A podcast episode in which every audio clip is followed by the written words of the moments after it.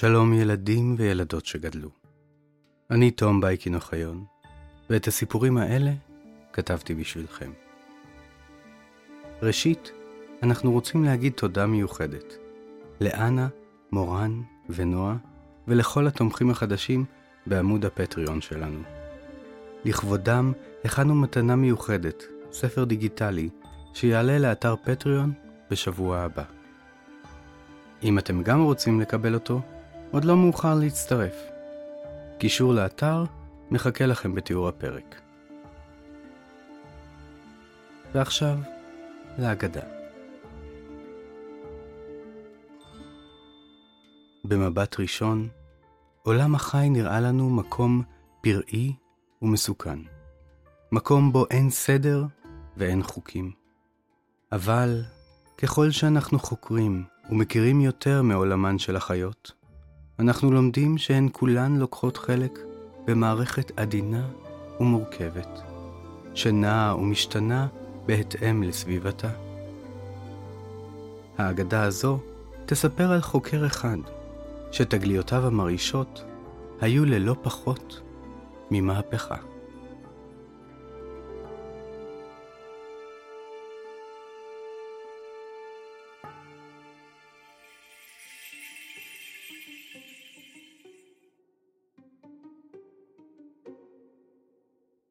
כשצ'ארלס דרווין היה ילד, איש לא האמין שיגדל להיות אחד האנשים החשובים בהיסטוריה של המדע. הוא היה ילד חביב ומנומס, אך לא התעניין בלימודים, והעדיף בכל הזדמנות שהייתה לו לטייל בחוץ ולהתבונן בטבע. יותר מכל, אהב צ'ארלס הקטן לאסוף חיפושיות. הוא טר אחריהן בסקרנות מתחת לאבנים, ועקב אחריהן בנקיקים צרים. וכשמצא חיפושית מיוחדת, מיהר לקחת אותה לביתו, ולצרף אותה לאוסף הקטן שלו. פעם אחת, במהלך אחד הטיולים, צ'ארלס הצעיר מצא לא אחת, אלא שתי חיפושיות מיוחדות ויפהפיות. האחת בעלת כנפיים בצבע ערד ומחושים ארוכים, והשנייה בעלת מחושים קצרים יותר וצבע ירוק מתכתי. הוא הרים אותן בידיו, ופנה לשוב לביתו מאושר. אז נדהם לראות חיפושית שלישית, יפה ומיוחדת יותר משתי האחרות. היו לה כנפיים בצבע סגול עמוק, ועל המחושים שלה אפשר היה להבחין בשערות קטנטנות. מעולם לא דמיין שאפשר למצוא חיפושית מיוחדת כל כך. צ'ארלס התבונן בחיפושית ותהה מה יעשה, הרי שתי ידיו היו כבר תפוסות. לא היה זמן לבזבז, שכן החיפושית הסגולה החליטה שזה זמן מצוין לחזור לביתה והתחילה להתרחק. מבלי לחשוב, צ'ארלס הכניס את אחת החיפושיות לפיו, ומיהר לתפוס את החיפושית החדשה.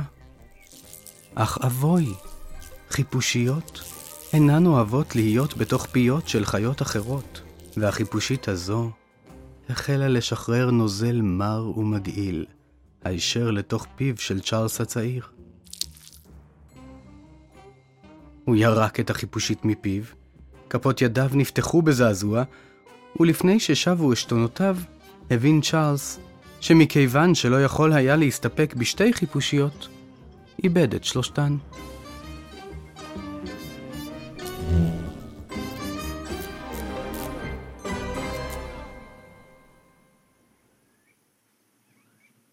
הטבע עשיר כל כך, שאם רק תחקור אותו מספיק זמן, תמצא בדיוק את מה שחיפשת. ואכן, כעבור כמה שבועות, מצא דרווין חיפושית סגולה עם מחושים מיוחדים, בדיוק כמו זאת שאיבד.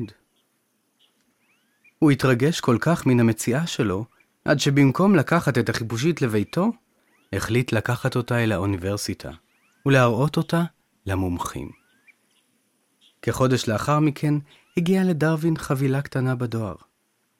היה זה ספר מדע, בנושא סוגים של חרקים שונים. באחד העמודים ראה רישום של החיפושית שמצא, ולידה כתוב באותיות קטנות בפינה, התגלתה על ידי צדי דרווין. מאושר, רץ לאביו והכריז בגאווה, אבא, כשאהיה גדול, אני רוצה להיות חוקר טבע. בראשית המאה ה-19, חוקרי טבע היו סוג מוזר של פילוסופים, שבמקום להתעניין בחיים, התעניינו בבעלי חיים. כששמע אביו של דרווין שבנו רוצה להצטרף לאנשים המוזרים האלה, השיב באופן חד משמעי: מה פתאום חוקר טבע? אתה תהיה רופא, בדיוק כמו אבא שלך וכמו סבא שלך. אביו של צ'ארלס לא רצה לפגוע בבנו האהוב. הוא ידע שחייו של חוקר הטבע קשים מאוד, ושהסיכוי שבנו יוכל למצוא פרנסה בטוחה בעבודה כזאת, קלוש ביותר. רופא, לעומת זאת, זה מקצוע מכובד, שגם שכרו בצידו. צ'ארלס ידע שאביו רוצה בטובתו, לכן כשגדל, למרות שעדיין רצה להיות חוקר טבע, ולמרות שבילה את כל זמנו הפנוי בקריאה על עולם החי ובשיחות עם חוקרים מהתחום, נרשם לאוניברסיטת אדינבורו ללימודי רפואה. דרווין לא הצליח כל כך בלימודיו. בתחילה נהנה מהם מאוד, במיוחד מלימודי הכימיה ומחברתו של ג'ון אדמונסטון, עבד שחור מגינאה שבדרום אמריקה, שמילא את ראשו בתיאורים מופלאים על יערות הגשם העשירים של מולדתו. כשלימודי הרפואה התקדמו מן הצד התאורטי שלהם לצד המעשי, דרווין התקשה בהם מאוד, משתי סיבות עיקריות. ראשית, דרווין פשוט לא היה מסוגל לחזות בדם, ולכן לא יכול היה לעזור לחולים ולטפל בפצועים. שנית, הוא פשוט לא הגיע לשיעורים. במקום זאת העדיף ללכת למוזיאון הטבע של האוניברסיטה ולהתבונן בחיות ובצמחים שהוצגו שם. כמובן שהוא נכשל בלימודים, וכעבור פחות משנתיים חזר אל בית אביו. האב דאג מאוד שהעלם יגדל להיות חסר השכלה ועצל, והחליט שאם צ'ארלס לא יכול ללמוד רפואה, עליו ללמוד את הדבר החשוב הבא. מדעי הטבע? שאל דרווין בעיניים נוצצות מהתרגשות. מה פתאום? השיב האב. עליך ללמוד דבר מעשי יותר. לכן אני שולח אותך ללימודי כמורה. אם אינך יכול לעזור לגוף של האנשים, תעזור לנשמתם. דרווין ישב שוב על ספסל הלימודים, בכיתה שלא בחר בה. הפעם במחלקה ללימודי דת, בקיימברידג'.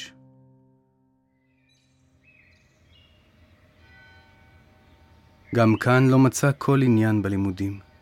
במקום לקרוא את כתבי הקודש, העדיף לקרוא ספרי שירה וזואולוגיה. במקום שיעורי הבית הרבים, העדיף לצאת ולבלות עם חברים. במקום ללכת להרצאות החובה, העדיף ללכת להרצאות על בוטניקה בבניין מדעי הטבע הסמוך. ובמקום לשהות עם שאר פרחי הכמורה, העדיף לצאת אל פרחי הבר שבטבע, ולאסוף חיפושיות. היה זה בהחלט מצב ביש. בדרך הזו לא היה סיכוי שדרווין יהיה לכומר מוסמך. הוא כלל לא רצה להיות כומר, אבל ממש לא רצה לאכזב את אביו פעמיים. לפעמים החיים מגלים כמה הם יכולים להיות מופלאים, ובדיוק כשאדם מוצף בשאלות, מגיעה בהפתעה התשובה. לגבי דרווין, התשובה הגיעה בצורת מכתב, שחיכה לו על השולחן בחדרו. הייתה זאת הזמנה רשמית לצ'ארלס דרווין להשתתף במסע בן חמש שנים מסביב לעולם. על גבי הספינה המלכותית, ששמה הביגל. קברניט הספינה התעקש שעל הסיפון יהיה גם חוקר טבע, וצ'ארלס דרווין נמצא כמתאים ביותר מן המועמדים. אין לתאר את התרגשותו של צ'ארלס הצעיר ממכתב זה.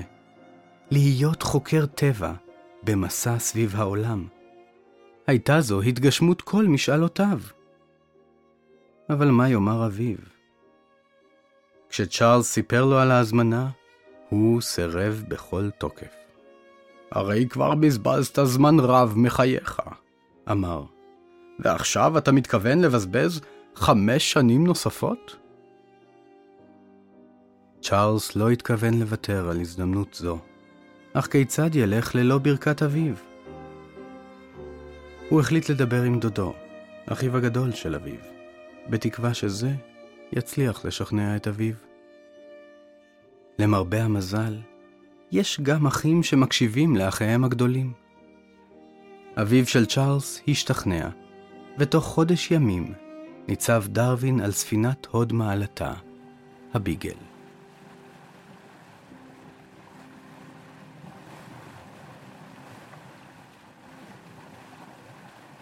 הביגל שטה אל יבשת דרום אמריקה.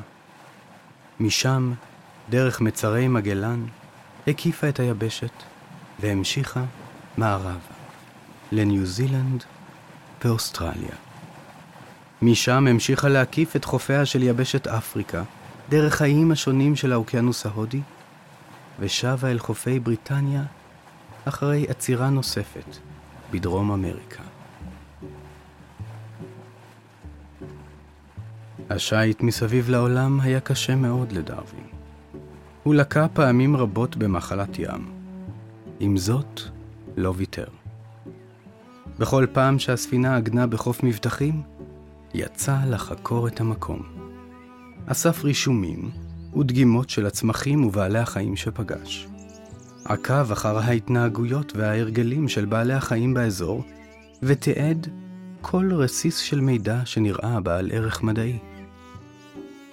דרווין, שמאז ומעולם אהב לחקור את הטבע, נדהם מן העושר המופלא שנגלה לו במסע הזה.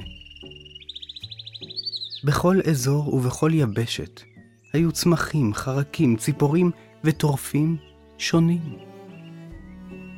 גם בעלי החיים שהכיר כל חייו נתגלו לו פתאום בגוונים חדשים. לדוגמה, צו היבשה היה ביבשת אפריקה קטן כמו קיפוד, ובאיי גלפגוס גדול כמו כבשה. העובדה שקיימים זנים שונים של בעלי חיים הייתה כמובן ידועה לדרווין. הוא הכיר את הספרים שמחלקים את בעלי החיים למשפחות, זנים ומינים שונים. כמו כן, למד היטב את ההבדלים בין הפרטים הרבים בתוך כל קבוצה. אבל במסע הזה החל דרווין לראות את הבעיה המהותית שבחלוקה הזאת. באיי גלפגוס בחן דרווין בעניין ציפורים קטנות שקיננו בהם.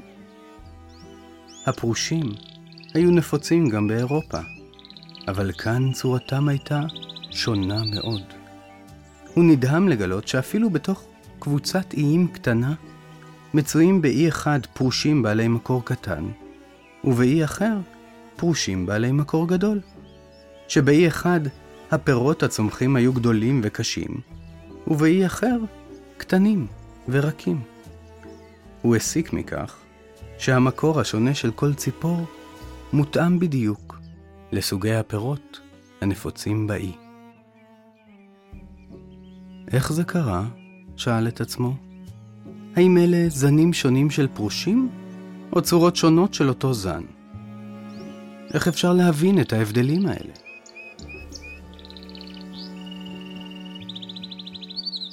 הוא הכיר את התיאוריה המדעית שלפיה כל בעלי החיים התפתחו עם השנים בתהליך הנקרא אבולוציה. אבל עד אז איש לא הסביר כיצד זה קורה, וכמה זמן נדרש לתהליך כזה להתרחש. היו שניסו להסביר זאת קודם לכן. המדען הצרפתי המכובד, ז'אן בפטיסט למרק, טען שבעלי החיים משתנים בעזרת כוח הרצון שלהם.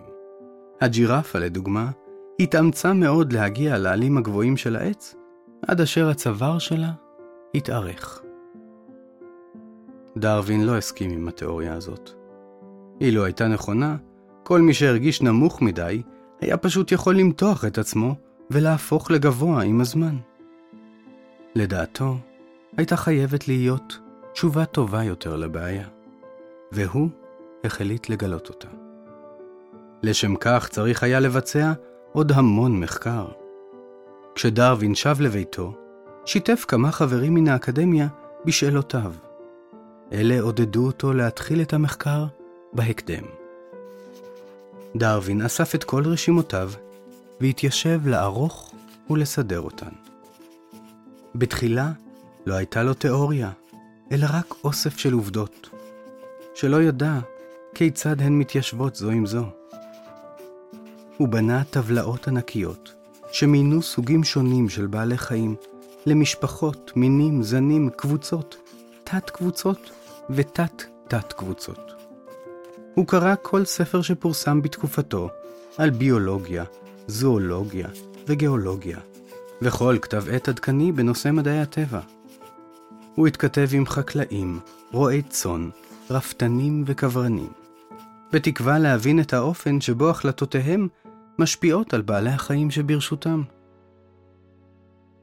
כעבור שנתיים של מחקר מאומץ, החל לנסח את תשובתו לבעיה. הוא בנה תיאוריה שתסביר את השינויים הרבים ואת המגוון שאנחנו מוצאים בעולם הטבע. אבל ידע שבזאת לא הסתיים המחקר. לכל תיאוריה יש השלכות, ואי אפשר לאמץ תיאוריה רק בגלל שהיא נראית הגיונית. יש לבדוק אם היא עקבית, אם היא מתקיימת בכל מקום בעולם הטבע, אם יש עדויות שמוכיחות אותה, ואם ישנן עדויות ששוללות אותה. דרווין המשיך לאסוף ראיות ולחקור את הנושא במשך כמעט 30 שנה. בסופו של דבר, היו בידיו רשימות לספר ענק על תורת האבולוציה, שאמור היה להכיל ששת אלפים עמודים. אז קרה דבר ששינה את כל תוכניותיו. הוא קיבל מכתב מאדם בשם אלפרד ראסל וואלס, שביקש את חוות דעתו על תיאוריה משלו בנושא האבולוציה של הזנים השונים שבטבע. עיניו של דרווין רעדו כשהן חלפו מעל המילים של וואלאס. התיאוריה של וואלאס הייתה ממש דומה לתיאוריה שלו. יותר מדי דומה. דרווין חשש מאוד. הרי את כל חייו הבוגרים הקדיש לחקר הטבע, והנה נראה שחוקר צעיר עלול לגנוב ממנו את התהילה על תגליותיו. לא הייתה לו ברירה. למרות שרצה להמשיך במחקרו עוד כעשור או שנים, ובסופם לפרסם את ספרו הענק, החליט לפרסם תקציר של הספר במהירות האפשרית.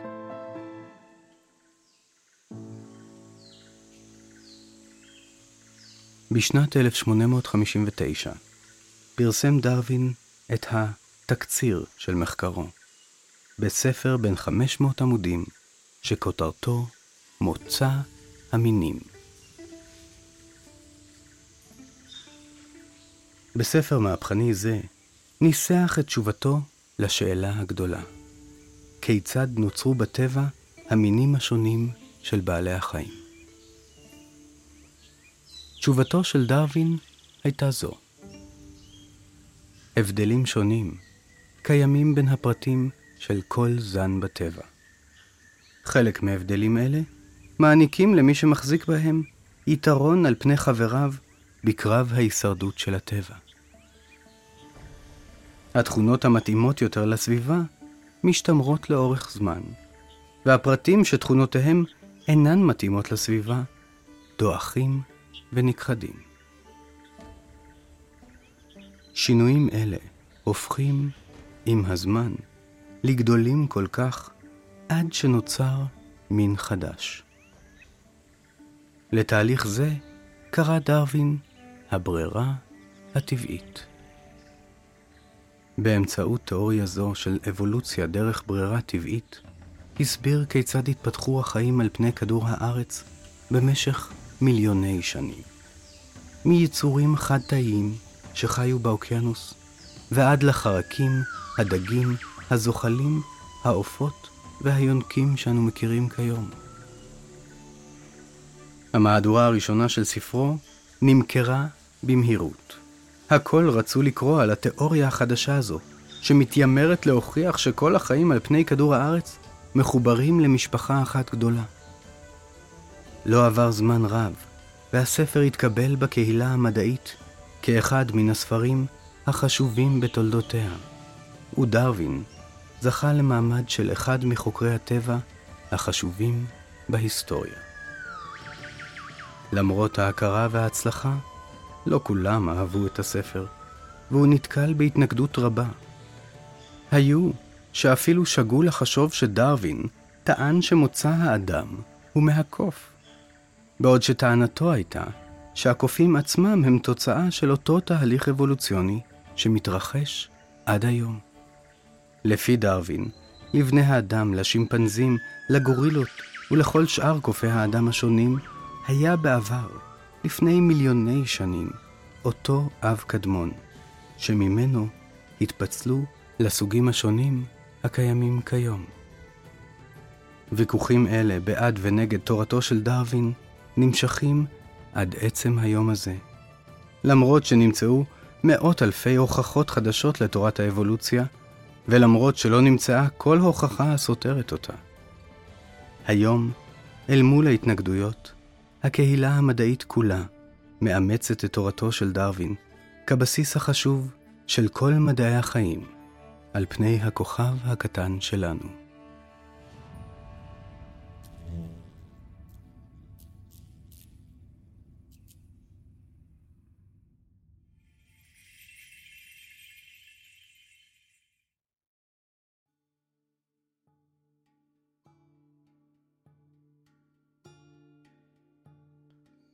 דרווין גילה לכולנו שכל החיים על פני כדור הארץ לוקחים חלק בתהליך ההתפתחות הגדול של הטבע. אפילו אנחנו. אבל אם חלים שינויים במשך מיליוני שנים, השינויים האלה חייבים גם להתרחש במהלך אלפי ומאות שנים. ולמעשה, הם חייבים להתרחש אפילו ברגעים אלה ממש. אתם מרגישים שהתפתחתם בשנים האחרונות?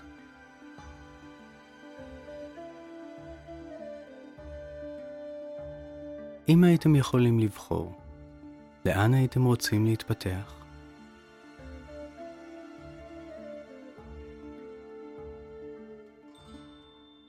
מלבד האגדה הזו, עוד אגדות מחכות לכם בפודקאסט שלנו, אגדות אמיתיות. אם אהבתם את האגדה ואתם רוצים לתמוך ביצירה שלנו, אתם מוזמנים לתמוך בנו דרך אתר פטריון, על ידי רכישת הספרים שלנו מאתר הוצאת פנק, או על ידי הזמנתי אליכם לבית הספר, במסגרת סל תרבות ארצי. אני תום בייקין אוחיון, ואם רק תסתכלו טוב טוב, תראו שכל אחת ואחד מכם הוא כבר גיבור של אגדה.